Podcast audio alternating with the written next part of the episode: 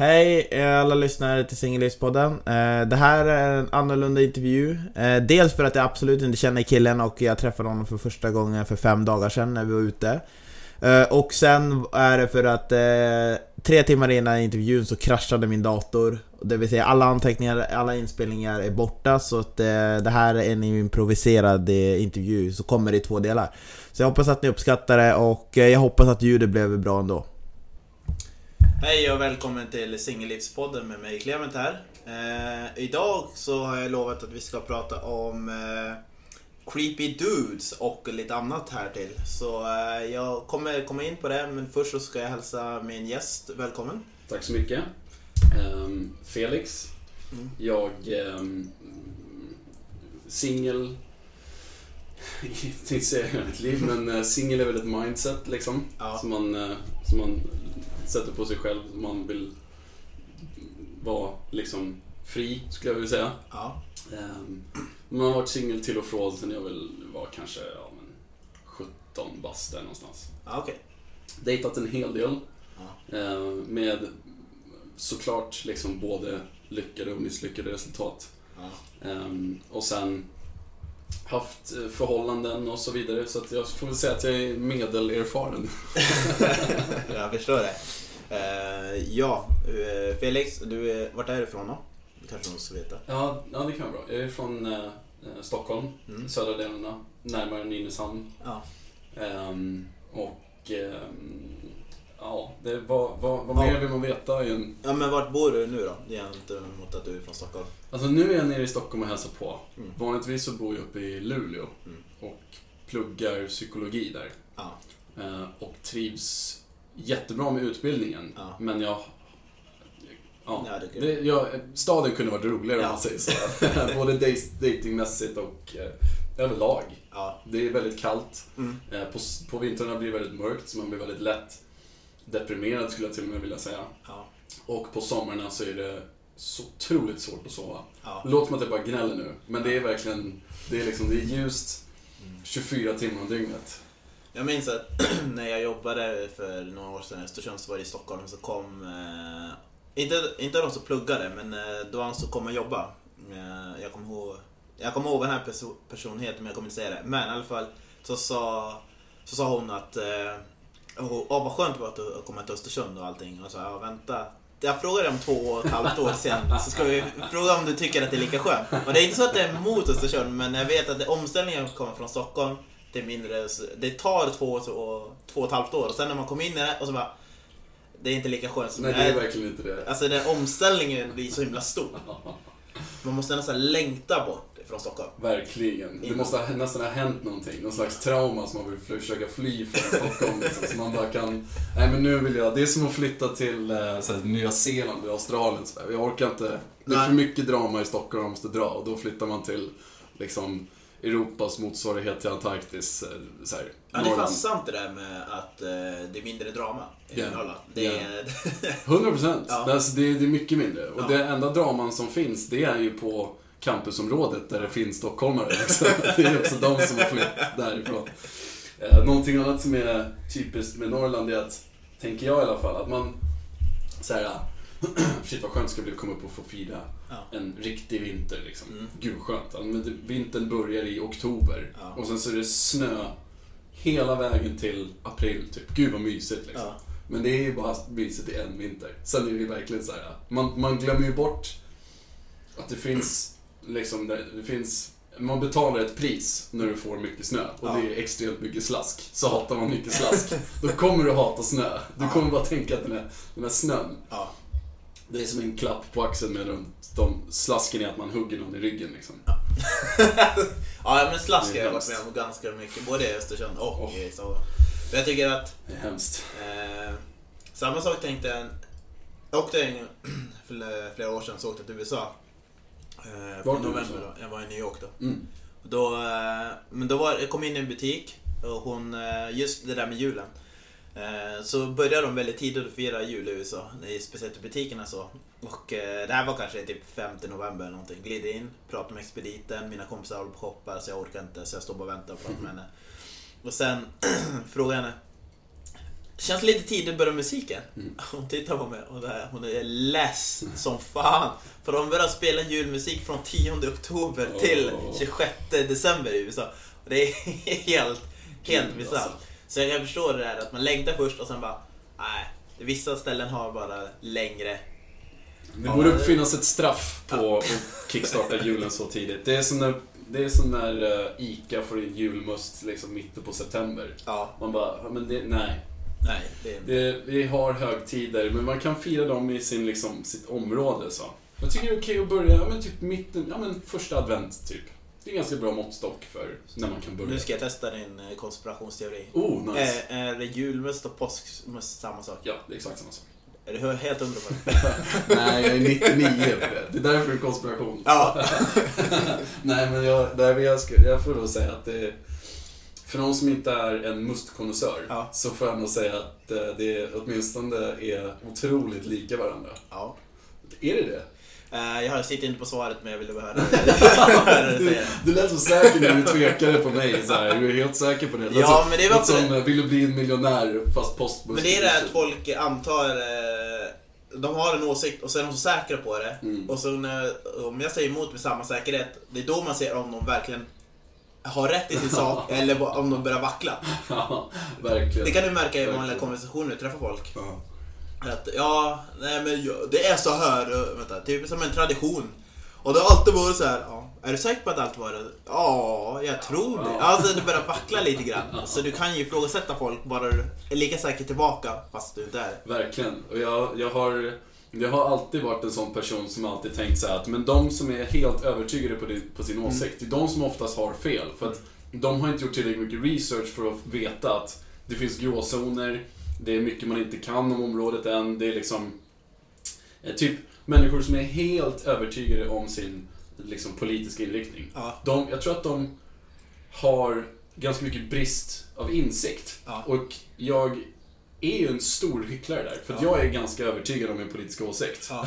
Så man, jag glömmer ju bort hela tiden att man, man pratar på ett visst sätt i folkmun. Men skulle jag uttrycka mig liksom om någon ber om min så kallade professionella åsikt, Ja. då skulle jag vara mycket mer såhär, staka ut, men så här, det här är gråzonerna, Ja. det här är det vi inte vet, bla bla bla bla. Men när man pratar så här, du och jag, så, Ja.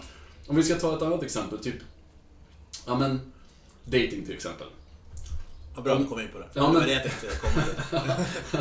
om, man, om man tar en dating-situation, säg att, eh, säg att du och jag dejtar. Ja.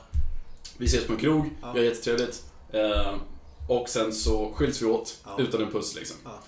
Och jag åker hem och tänker så här, fan det där gick skitbra. Mm. Men det är ganska mycket som säger att ibland att det inte var så trevligt. Mm. För att om det varit så trevligt, även fast man tyckte själv, Ja. så kan det ju vara så att Ja men hade det varit trevligare så kanske man hade delat en puss liksom. Eller att man har gått hem med varandra. Eller att man åtminstone ehm, sitter och smsar massa efteråt. Eller, men du vet, som det kan vara. Ehm, och det tycker jag känns lite så här. det är lite... Känner du till Dunning-Kruger? Nej, berätta. Ju mer man tror sig kan om någonting, Ja. desto eh, mer självsäker känner, sig, Ja. känner man sig.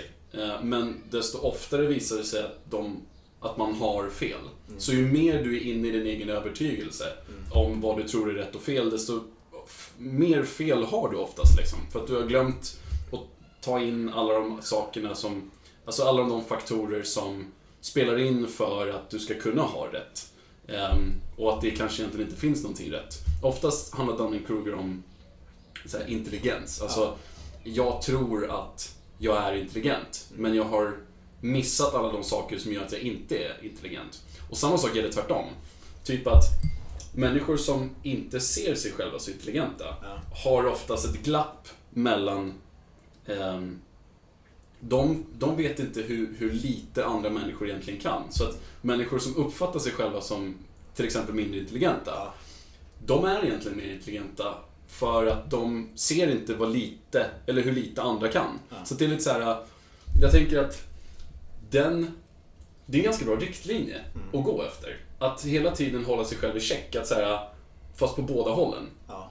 Typ att jag uppfattar att den här dejten gick hur bra som helst. Men, vi ska komma sig ihåg också att det kunde ha gått bättre. Eller, ehm, å andra sidan, den här dejten tyckte jag gick skit. Mm. Men å andra sidan så så gick den kanske bra på de här hållen. Att man inte liksom, att man försöker hålla sig någonstans i mitten. Man blir inte för cocky och man blir heller inte för liksom down in it, typ. Men jag tänker så här att... Ja, fast det var två saker under tiden du pratade, så jag tänkte så här, aha, men det passar ju de neurotiska och eh, de som... Eh, ehm, det, för det också beror på vad man har för förväntning, vad som är lyckad dejt. Så det kan ju vara så att även om du tänker, ja det gick bra, eh, ingen puss, och andra förväntar sig för att det ska kunna... Alltså har man olika förväntningar på vad som är bra. Men Definitivt.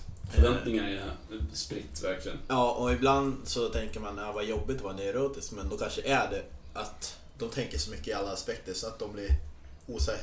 Förutom att de är osäkra på sig själv Just så är det. det kanske blir, så är det inte alltid negativt. Just det. Man behöver egentligen inte... Jag tror att neurotiska människor har en, en förmåga, rent ut sagt, att, att vara självkritiska på en ohälsosam nivå. Ja. Alltså att man tänker inte på hur lite du egentligen behöver tänka på saker. Nej. Men jag tror också att... Eh, ja, att... Eh, att det är bara häl- hälsosamt att tänka alla aspekter, gick det här bra eller inte? Men det får inte gå till en överdrift. Och, och det är lätt att man... Jag höll på, put a foot in your mouth, men jag kommer inte ihåg vad det är på svenska.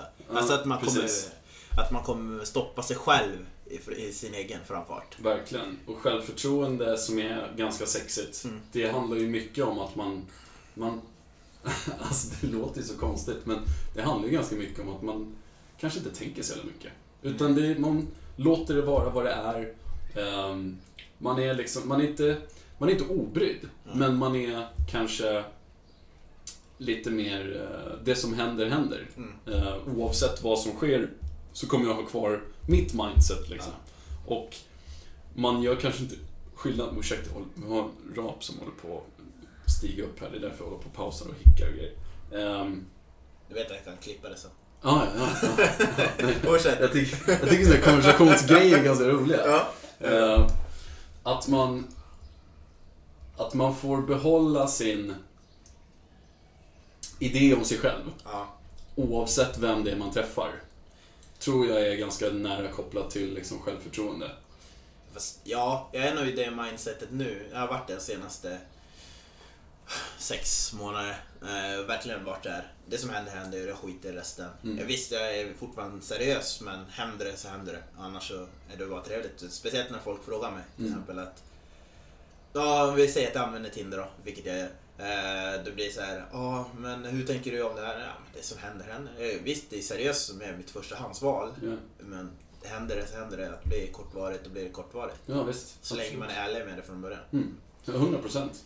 Och det, det, jag tror att det är den mest hälsosamma vägen att gå. För att man kan inte, man kan inte gå in med, som vi var inne lite grann på förut, att de, här, de här förväntningarna. Mm. Alltså det är det som tar koll på eh, någonting ganska fort, tänker jag. Ja. Alltså att man har lite för höga förväntningar efter kanske bara egentligen två, tre dejter. Mm. Att man tänker att men nu kommer det forma sig åt det här sättet. Men jag tror att det är en ganska vanlig fälla man hamnar i. Alltså man har förväntningar på att det ska gå åt ett visst håll och då börjar man automatiskt bete sig på ett visst sätt. Ja. Som att det vore en självuppfyllande profetia. Ja. Medan egentligen så borde man ju hålla ett ganska öppet sinne genom allt. Alltså, Ja, men precis. Men det, ja, jag tror, förväntningen kommer ju ändå stiga efter några, några gånger. Eh, och sen får man ta i det steget, i det steget man, i den takten man vill. Mm. Men jag tror också att man skulle behöva Alltså man skulle behöva eh, ta det som det kommer men samtidigt känna efter själv hur lång tid vill jag innan jag tar upp det här som Just jag känner. Eh, och jag tycker att det som jag gjort mest nu det är väl typ att Förutom att jag tar det som det kommer så liksom ta, eh, att känna att kunna vara sig själv är det, det viktigaste. ja. För nu bryr jag mig inte riktigt om, eller jag ljuger om att jag inte bryr mig om vad de tycker men jag bryr mig mindre Mm. om vad andra tycker så länge jag kan vara mig själv med den här personen och den gillar det. Jag gillar det inte, då är inte den rätt. Då, är, då kommer jag ändå, om jag skulle låtsas vara någon annan så skulle jag slösa min tid. Verkligen. Eh, Verkligen. Så att eh, det är väl det, men det känns ju inte så lätt just då. Men Mm. Det är, det, det är jävligt tufft faktiskt. Att, eh, att våga vara sig själv. Eh, på väldigt många sätt. För att du, egentligen så är det väldigt utelämnande. ja, Alltså det är ganska tryggt att kunna gå på en dejt och känna att ja, men nu sätter jag på mig den här kanske coolhetsmasken eller att man är lite så här nonchalant masken eller någonting sånt. Men jag tycker att det är en ganska stor del, lite som du är inne på, att alltså, så här, man, man växer som människa Mm. när du känner att jag kan vara mig själv oavsett. Mm. För att jag är den typen av person som, som har växt så pass mycket att jag kan visa vem jag är. Den jag är är inte olämplig i vissa situationer, utan den är liksom den, den är. Perfekt som den är liksom. Ja, alltså visst det finns sociala koder men i grund och botten så är, det, är den inte olämplig. Verkligen. För det, är, ju- det är bara ett... Det är bara en mindset, nej. Det är bara en... eh, En, vad heter det? Um, vad säger man? En pinne i hur långt du kommer i din utveckling. Verkligen. Så om jag skulle stoppa in lång, längs din 90-åriga tidslinje, nu säger jag inte att du ska dö när du är 90, men alltså vid din tidslinje och sätta pinnen, det är ju bara så långt du har kommit om du är dig själv hela tiden. Mm.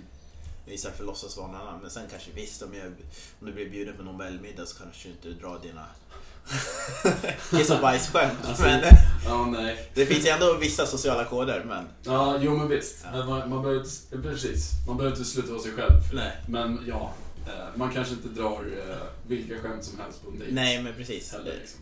Däremot har jag märkt en annan attitydsgrej. Eh, men det är också, tror jag, lite min personlighet. Eh, det är att jag för flera år sedan redan ledsnat på alla sexskämt. Mm. Jag drar, jag drar inga sexskämt på det sättet längre. Du vet, inte så här hö hö skämt, men ändå så här, jag drar inte det. Men jag har märkt en attitydsförändring, speciellt i, stor, i Stockholm. Att Mm. tjejer drar mer sexskämt än än killar. I alla fall av de- min erfarenhet. Fan, det blir ett skifte. Ja, exakt. Det har blivit skift på många sätt. Och ibland när man har träffat folk, vissa har ju varit eh, ja, skitsövla kan man säga. Mm. Eh, det har jag ju träffat på en del. Tjejer alltså? Ja, ja, Det är ja. Det, det är omvända roller. Jag vet fler som också det. Är omvända roller i vissa fall. Och det är så här, känns som att okej, nu är det många som tar igen här. Och jag är nu en av de drabbade så man får bara ta sig igenom det tills man hittar det så man kommer rätt balans. Jag vet, ja, det är svårt att veta exakt hur man ska ta de Nej, tjejerna faktiskt. När Nej. man själv känner att så här, jag har inte Ja. varit en rövhål, men jag vet att många andra kan ha varit det mot dig och nu tar du ut mig så fair enough. Nu har du haft det där och då går jag vidare. Men det är inte så lätt i stunden, men det är så här, man har reflekterat i efterhand att det har lite blivit omvänd ordning på det där. Just det. Men jag känner igen det lite grann. Att, att de verkar tro att man ska kunna ta den typen av skit också. Och Ja. bara go with it liksom. Ja. Att de förväntar sig en, en lika provokativ person tillbaka som Ja. de vill att man ska Ja, men precis. porträttera sig som. Liksom. Och jag menar, och när man hör vissa historier, alltså vissa, det är ju, alltså, vissa killar tror man inte ens finns. När man hör vad de har gjort. Det är Ja. här, det, det, och ibland, man, jag vet inte om du upptäckte när du pratade med tjejkompisar. Känns det som att du måste ta ansvar för varför de gör det innan de frågar dig om varför killar gör vissa saker? Ehm, ja, alltså. Det är en skitbra fråga. Mm. Eh, och jag tänker att vi glider in lite grann på ämnet, alltså creepy killar. Eh, ja, vi kan Typ, Ja, ja, kör. Eh, att så här. Ja, jag tar, eller jag, så här, jag tar inte ansvar. Nej. Men jag känner killar som är på båda liksom sidorna av spektrat. Alltså supermjuka killar. Ja, Alltså någorlunda, ja men, superkul, supergulliga killar med bra självförtroende, supergulliga killar med dåligt självförtroende, super, superdouchiga killar med bra självförtroende, superdouchiga killar med tydligt dåligt självförtroende. Ja. Alltså så här, och det är oftast, tycker jag, superdouchiga killar med dåligt självförtroende ja, som råkar ha bra utseende ja, som är de absolut största grisarna. Och, och de beter sig på ett sätt som är liksom... De, gör, de är verkligen så långt nere i skiten Mm. att de förmodligen inte... Alltså de vet ju om att de gör det. Ja. Men de vet inte om hur man kan göra det på ett annat sätt. För det är det enda sättet som verkar ha fungerat för dem hittills. Ja. Liksom.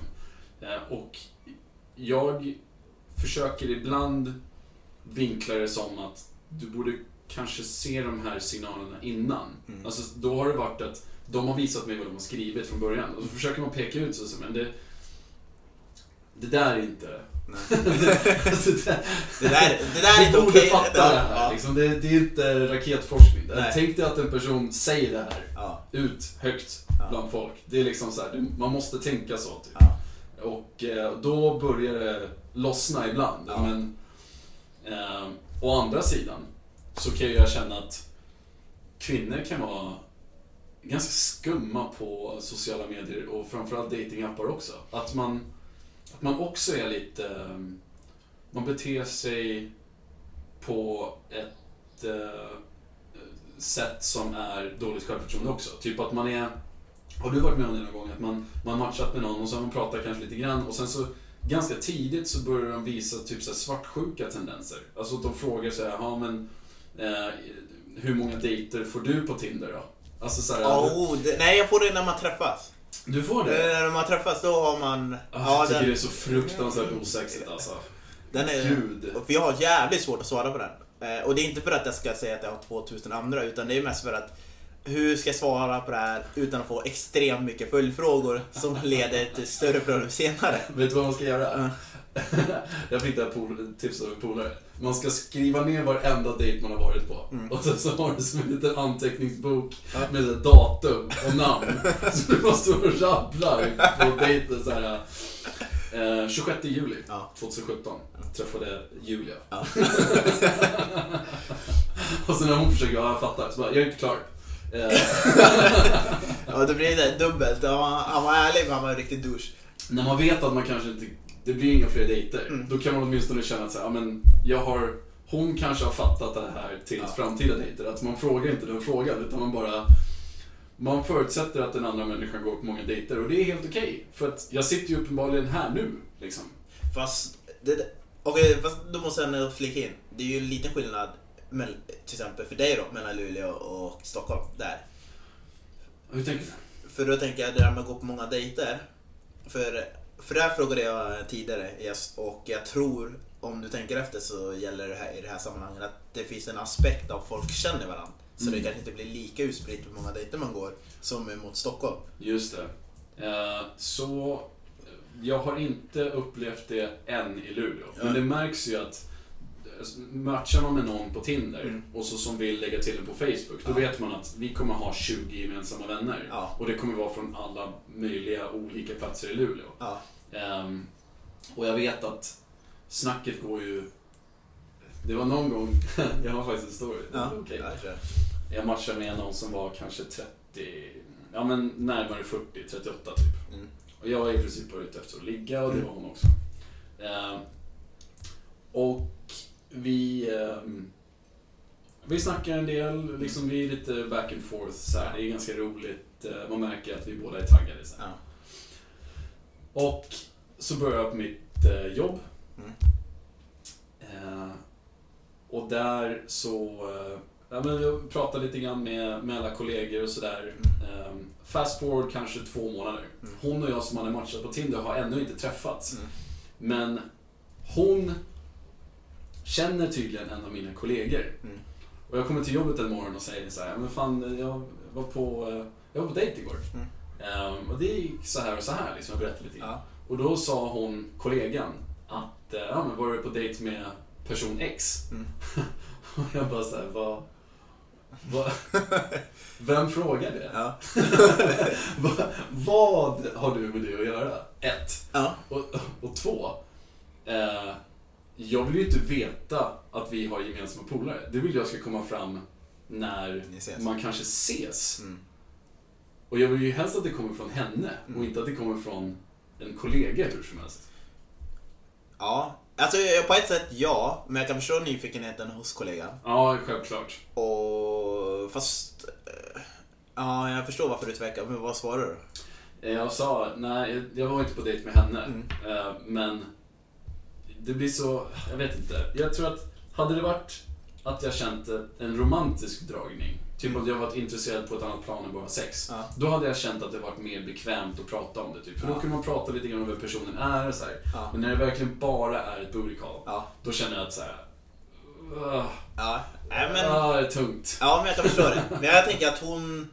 Ja, nej jag tänker, nej skitsamma. Men jag förstår själva, eh, jag förstår hela sammanhanget. Men hon är ju säkert bara intresserad. Hon Ja. tycker säkert bara att det är roligt för hennes kompis skull antar jag. Ja. Eller att, eh, men såhär, äh, gud vad självupptaget det lät.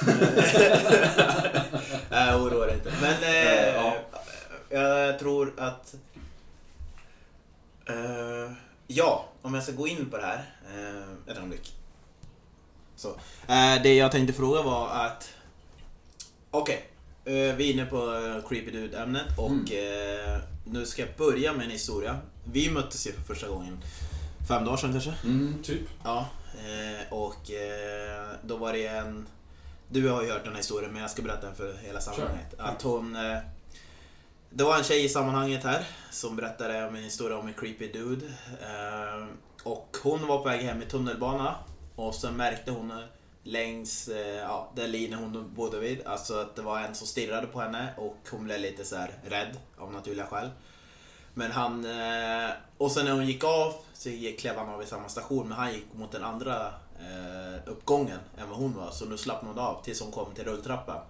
Och sen när hon kom till rulltrappan och det här var sent på kvällen så knackade någon på ryggen och då var det den här snubben. Just det. Och eh, han eh, tyckte han hade sett henne förut, så som han förklarade. Eh, Och försökte bara chatta upp, vad heter det? Nej, prata med henne. Ja. Henne och få numret. Men han var samtidigt ganska hög. Mm. Om jag förstod historien. hon upplevde honom Ja. som hög. Ja, men precis. Och eh, sen, men då stod hon kvar där och hon försökte bara hinta att han skulle gå därifrån, men han verkar inte fatta det. Mm. Så det tog en stund och till slut så gav han sig och gick. Just det. Nu förkortar jag historien lite grann bara för att få fram poängen. Eh, av, ja, Creepy Dude helt enkelt. Och eh, sen frågade jag er lyssnare. Eh, det var några som svarade. Jag trodde det skulle komma mycket mer svar än vad det gjorde. Men jag är nöjd med det jag fick. Och eh, då fick jag eh, fråga så här. Vad, vad, gör, eh, vad gör killar creepy? Och då, hade, då var det en, en tjej som hade svarat att när de pratar om sin kropp, sin penis, avslöjar deras innersta äckliga tankar vid första mötet. Eh, pratar illa och hycklar sina ex. Sakar en på sociala medier och via sms, mms, telefon. Skickar bilder på sig själv, naken. Eh, stirrig blick, som den här snubben hade. Klär av henne med blicken utan anledning och är alltid lite nära på och blir sur på andra män i hans närhet utan anledning. På grund av inbillad svartsjuka. Mm. Eh, och sen nämnde hon en TV-karaktär som kan vara lite creepy. Mhm. Eh, Ove, Ove Sundberg i Solsidan. och jag tänkte det här var skitbra exempel Verkligen. på vad är en eh, creepy kille. Och då, istället för att vi ska ta eh, ställa Vi vet ju nu vad svaret är. Mm. Men frågan är Finns det någonting som du upplever som vi killar kan göra mot det här, mot creepy killar så att säga?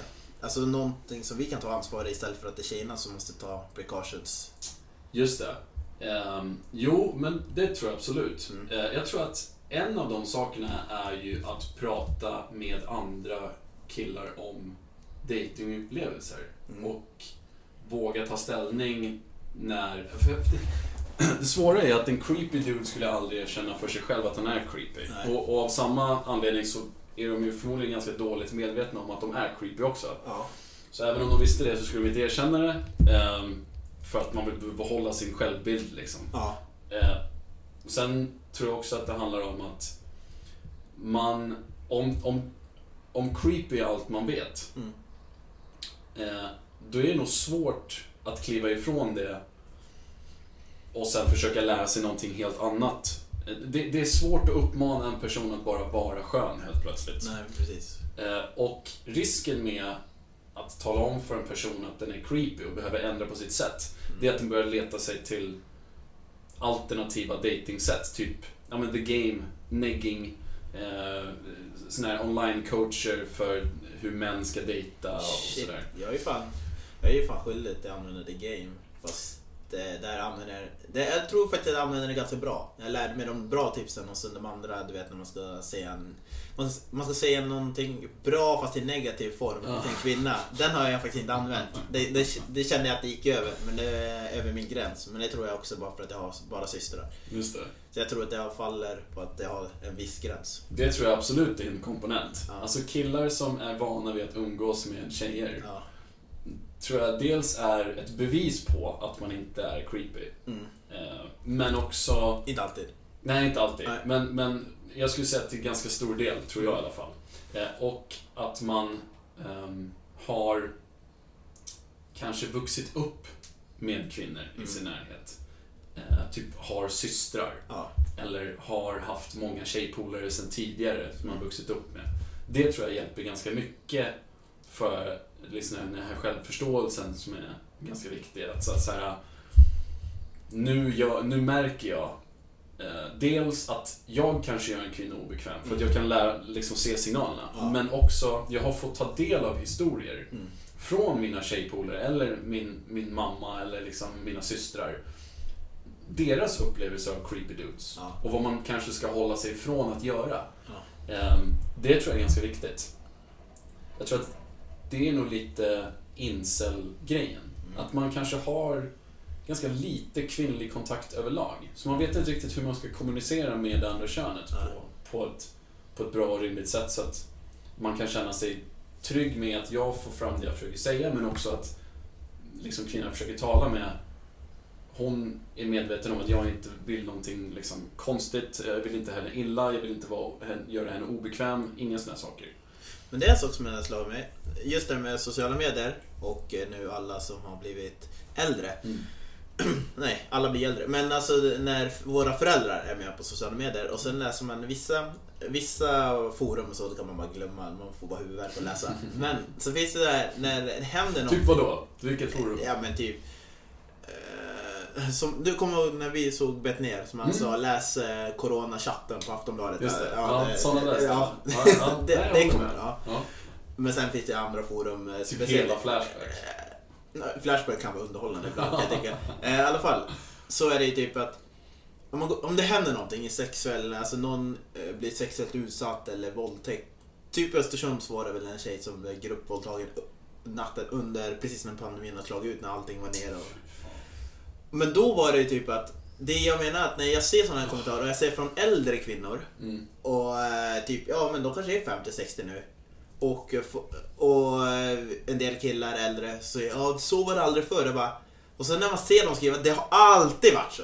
Och den, det har slagit mig så himla sen de började gå in och Mm. skriva att det alltid varit så. Det är bara det kanske inte var så mycket vad heter det, folk som är född utlänningar som de, folk skulle säga att det är utlänningar. Utan det har alltid varit så. Även 50-60-talet. Vi har aldrig kunnat alltid blivit tafsade. Alltid varit något man inte kunde säga emot. Det har alltid varit något creepy som... Just det. Så det, det slår mig att det kanske har uppmärksammat mer, men det har alltid funnits. Men det är inte så att vi killar, eller många av oss killar kan ta oss till att det har alltid funnits. Att våra föräldrar har också drabbats av det när de var ung.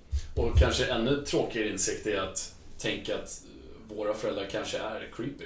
Alltså, Ja. och, och kanske har varit creepy men har blivit mindre creepy i sitt förhållande med den som de har hittat liksom. Ja, men precis. Så jag tror att creepy är såklart en ganska universal sak. Ja. Alltså en creepy person i Sverige kommer nog vara creepy någon annanstans i världen också. Ja, precis. Men jag tror ändå att det finns någon för creepy människor också. Mm. Så om du som lyssnar känner igen dig i lite creepy beteende liksom. eh, eh, Så så tror jag att det finns någon för dig men man måste försöka hitta en nivå där man kanske inte går full on creepy. Alltså man kanske inte visar vi kommer tillbaka lite till det vi pratade om tidigare. Att säga det här med att vara den man är. Ja, För det är ju svårt. ja, Alltså om jag är bekväm med mig själv men jag uppfattas också som creepy. ja. Då är det ju dags för lite självransonering. Ja. Men, eller det- det- självresonering snarare. Fast det, det är också väldigt viktigt att, det går inte att göra det bara själv, utan du måste fråga andra. Precis, du måste För få feedback. annars kommer du aldrig lära dig. Och det enda sättet att få feedback från en, från en liksom relevant publik så att säga, Mm. alltså någon som faktiskt har insikt i vad en creepy dude är, Ja. det är att fråga människor som du kanske creepar ut. Ja. Alltså, det, vilket är jättesvårt. Alltså, vart, vart går man därifrån? Vem pratar man med om sin, egen creepiness liksom? Ärligt talat, om du är kille så är det bara tjejkompisar. Men det är ju det. Och, och är man ett creeps, och jag tänker att då har man kanske inte så jättemånga tjejkompisar redan. Jag tror att många killar reflekterade över sig själv efter metoo. Det jag tror jag. det. Men jag tror de glömde bort aspekten av creepy. Alltså jag tror man bara resonerar om man gick över gränsen, just den här sexuella delen när man tar eller ja du vet på väg att ligga eller så. Men jag tror man glömde bort den här innan. Hur man, om man stirrade på någon och gjorde någon obekväm. Mm. För att det som jag skulle också, eh, höll på att glömma är att eh, det som påverkar tjejerna hur vi är creepy. Det är ju typ att om vi går hem sent på kvällen, oavsett vilken stad det är, att vi, att vi kan hålla avståndet till en tjej som går själv. Mm. Att vi inte snabbar på stegen bakom henne. Ehm, ibland kan vi gå på andra sidan. Eh, och det är liksom, då ska man inte tänka, ah, hon kan inte, alltså, Mm. alltså jag är inte, då ska man inte tänka, ah, jag är inte sån, utan det är bara, det är för hennes säkerhet Mm. hon kommer hem. Liksom att man inte ska ta allt så himla personligt vad hon...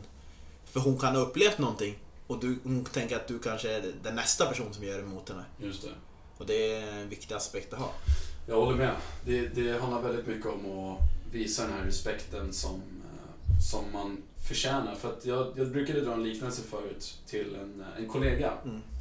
som inte riktigt förstod det här med ja, men, eh, ja, men varför kvinnor är så rädda för män överlag och varför män får ta ganska mycket så att säga skit nu liksom, Ja. som är mycket rättfärdigt så. Ja.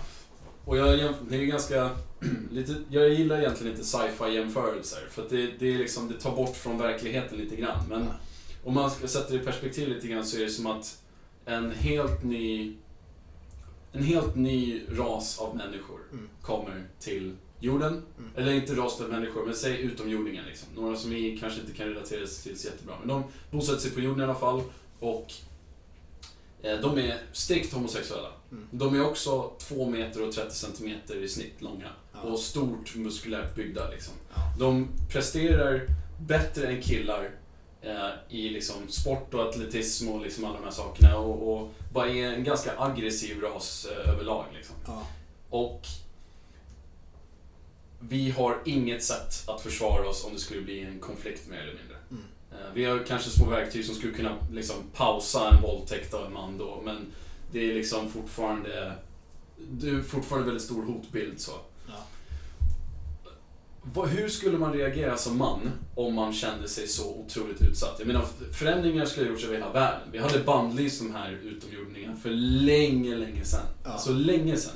Det hade aldrig förekommit. Ja. Men för att det är män som redan sitter och bestämmer över de här Ja. sakerna om liksom vad, vad som är våldtäkt och inte, och vad som är godkänt beteende och inte och så vidare. Ja. Så kommer det inte hända någonting. För att det är som om de här utomjordingarna i exemplet skulle få för sig att styra över våra lagar och regler också. Alltså, helt plötsligt så är det ju det är tillåtet att våldta. Vilket det är i många delar av världen. Liksom. Mm.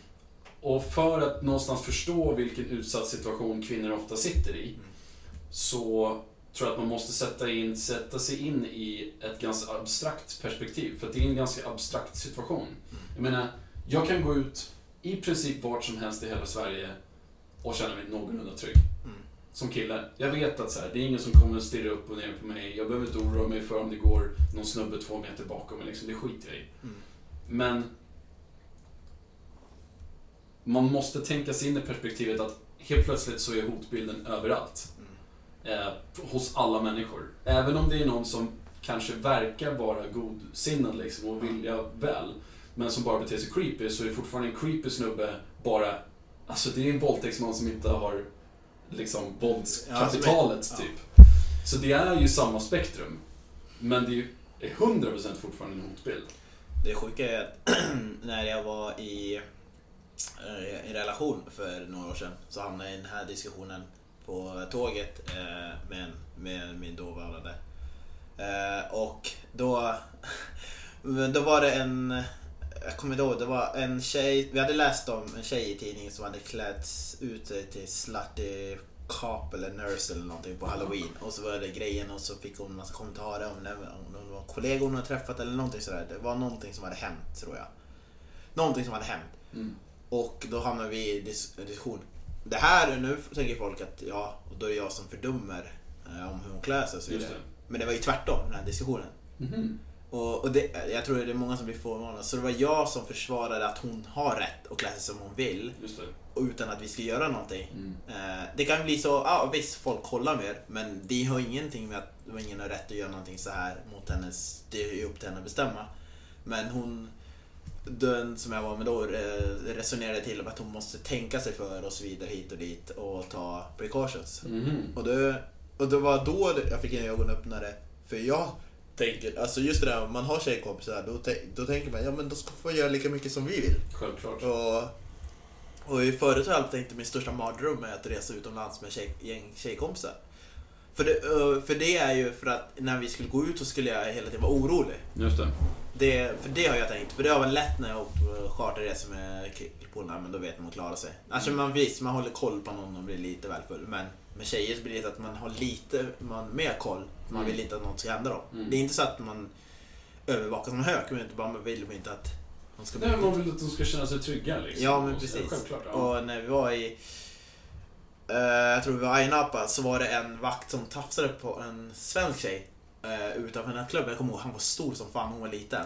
Ja, hon var jättefull. Men det var första gången, det här var väldigt coolt tycker jag. Då var det he, alltså det var alla skandinaver, danskar, norrmän och så vi var typ 20-30 killar som bara gick emot vakten. Just då när man såg det hända. Och det var, ja, det var faktiskt en av de coola Wow. grejerna som gick emot och han fick backa bara. Nice. Och det var ändå vakten på nattklubben. De brukar vara ganska stora också. Ja, precis. Och det var uh, Cypern. Så det var, det var ju hemskt att det hände, men det var coolt att eh, folk steppade upp hur fulla de än var. Och så att, att det inte... Sen, alltså jag är... Ja, jag tycker att det, det var... Det, det är nice när, när civilkurage fungerar på det här sättet. Mm. Men någonting som jag fått höra är att Alltså även killar som uppvisar civilkurage när det passar dem. Ja. Typ, man är lite slagsmålssugen på Ayia Napa. Ja. Det är snygga brudar runt omkring. Man kanske vill bevisa att man är... Ja, men, Ja men alltså, ja men, att, ja, men, ja men exakt. Ja. Att man är kapabel. Ja. Typ. Kapabel är ett sånt jävla töntigt ord, verkligen. Men, men att man klarar av att ta en, ta en fight liksom. Ja. Och stå upp för det som är rätt. Mm. Jag tror att jag är lite misstänksam på killar ibland som ska uppvisa den typen av virtue signaling. Jag säger inte att virtue signaling är fel. Nej. Däremot så tycker jag att jag blir lite misstänksam på killar som är lite för intresserade av att göra rätt för sig. Ja. Det, det, det de gjorde var ju såklart rätt. Ja. Men man ska komma ihåg också att menar, de som kanske är som mest outspoken kring eh, kvinnors rättigheter, typ Kapten Klänning till Ja. exempel. Det visar sig också vara den typen av människor som är ganska konstiga människor. Ja. Eh, och som ibland beter sig på ett väldigt olämpligt sätt bakom lyckta dörrar. Liksom. Mm. Jag tror att det kanske har mer med min tillit att göra. Ja. Men Nej men alltså jag kan... Jag det, det, det, det är ju inte liksom... Du ska ju, man ska ha viss eh, misstänksamhet men när det händer ska man vara glad för det men sen får man ju vara... Eh, liksom, du kan ju, det låter hemskt att säga släpp in the garden helt men... Ja. Nej, men, lite, nej, men precis. Det är alltid bra lite. Ja, efter lite. sen, liksom. Ja. ja, men jag fattar. Lite. Nej, jag håller med. Jag håller med. Har du, har du haft något creepy beteende? Ehm, Det kanske är en för personlig fråga. nej, men alltså när man är yngre. Kanske lite efterhängsen, men jag tror att man ja, efterhängsen när jag var yngre. Alltså bra yngre, men sen... Men jag tror också det var lite avsaknad av att jag hade varit singel så länge. Mm. Men sen... Nej, men sen blev jag okej med alltså, mig själv. Det vill ha lite med... Eh, det kan vi ta en annan gång. Eh, men det har ju lite med typ att man har varit själv hela tiden och man kände att man vill vara med någon. Men annars så tror jag inte det. Alltså, jag är ganska trygg i mig själv nu. Mm. Och, och jag gillar, alltså jag gillar ju att bo själv, jag gillar att göra saker själv och gå ut när det känner för det Ja. och så vidare. Så att, eh, nej, jag- nu är jag helt trygg. Men det är typ det enda jag kan tänka mig att jag har. Just det, apropå med Creeper, då tänker jag att också definitionen är väl folk som kollar upp, som hon sa, kollar upp allting på sociala medier, Ratsit och så vidare. Och jag hörde i en annan podd en tjej som sa att hon brukar göra det på killar. för hennes säkerhets skull. Mm. Så att hon vet vad rummet Och jag tänker att det, det, är så här, det är lite hyckleri, men jag, kö- jag köper det hon säger. Mm. Alltså hon säger att det är inte okej för killar att kolla upp henne, men hon kan kolla upp killarna. Men då så bara, "Nej, jag ser vart de kommer ifrån så jag är okej, jag släpper det liksom. De har lite kapital och, Ja. och lite svängrum kan jag känna också. Ja. Sen tror jag att Tinder är typiskt en sån plattform där man kollar upp varandra ganska mycket. För att man vill se till så att den man träffar inte är en gris i en säck. Ja. Alltså, man vill... Men, man väljer ut de bästa bilderna. Ja. Och då kanske det är vettigt att kolla upp hur personen ser ut på andra plattformar innan man väljer att träffa dem. Vilket såklart är fel. Men det gör jag. Det gör jag. Alltså jag, nu det här halvår, även om jag är chill. Jag har gått på fyra dejter tror jag. Mm. Där personen har upptäckt, jag ska vara diplomatisk, eh, väldigt bra på att ta bild. Ja. Bra på vinklar. Ja, väldigt bra på. Alltså, det var här, alltså, nej jag pallar inte det här. Jag pallar inte att bli överraskad igen. För jag vill ändå så här, gå dit och personen ser ut som den gör och då kan jag fokusera på vem den är. Och Verkligen. Innan att jag ska bara, hur? Alltså, nej, jag tänker inte så hur vilken vinkel. Men alltså det blir så lite skevt. Så det är väl det och jag vill inte råka, Precis. jag har inte råkat ut för det värsta, typ de som inte som tagit 20 år gamla bilder. Ja, det, ja, det har jag gjort. Eh, Ja, oj. Att man, ja men alltså så här. Jag blir alltid misstänksam. Lite. Det, är- det är mycket misstänksamhet från mitt håll. Men jag, blir alltid, jag tror att det kommer, jag hoppas att det kommer erfarenheten. Ja. Att så här, man blir lite misstänksam när det är någon som är lite för på. Eh, att så här, när man är lite för på, typ att man ska ligga ganska tidigt och liksom få ett booty call. Så här, att man, ju, det har ju gått åt båda hållen såklart. Mm. Men man har ju märkt de gångerna som man har nappat på det, Mm. att jag vet inte riktigt hur jag ska uttrycka mig här, men Jag, jag känner, alltså du får uttrycka men jag känner att du är på minerad mark. Ja, det är väldigt minerad mark. Men, men, men okej, så här.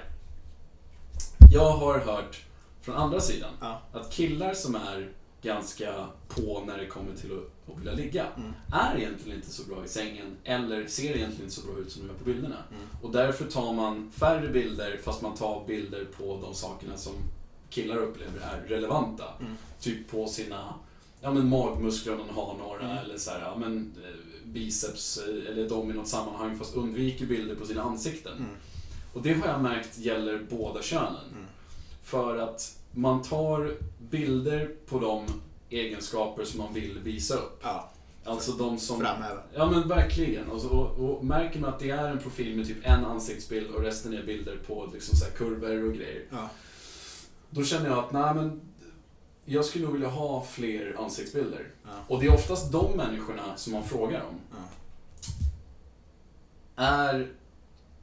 De tar ganska illa upp när man ber om sociala medier. Mm. Så jag tycker att det är en ganska stor skillnad just att vara creepy. Mm. Att be om sociala medier. Mm. Och liksom, kan vi eh, snacka någon annanstans? För att då Ja. vet jag ungefär vad jag har att spela med. Liksom. Eh, kontra, jag, kommer, jag, eller jag, jag kollar upp den här personen på sociala medier Mm. eh, och sen gör en egen bedömning.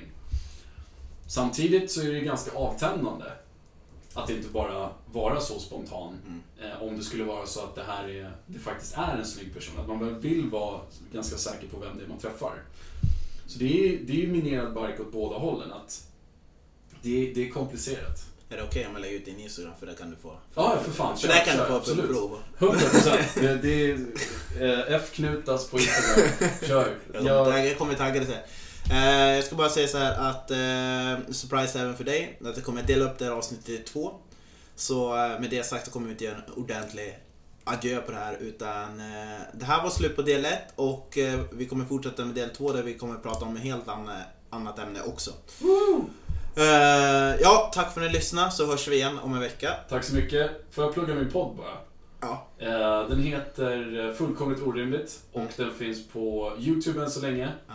Jag har tre avsnitt, men det kommer komma, det kommer komma fler. Jag kommer hålla på så länge det är roligt. Okej. Så in och kolla. yes. Okej, då säger vi så. Glad midsommar, så kör vi på det. Ta det lugnt med spriten, eller kör hårt. Vi syns igen om en vecka.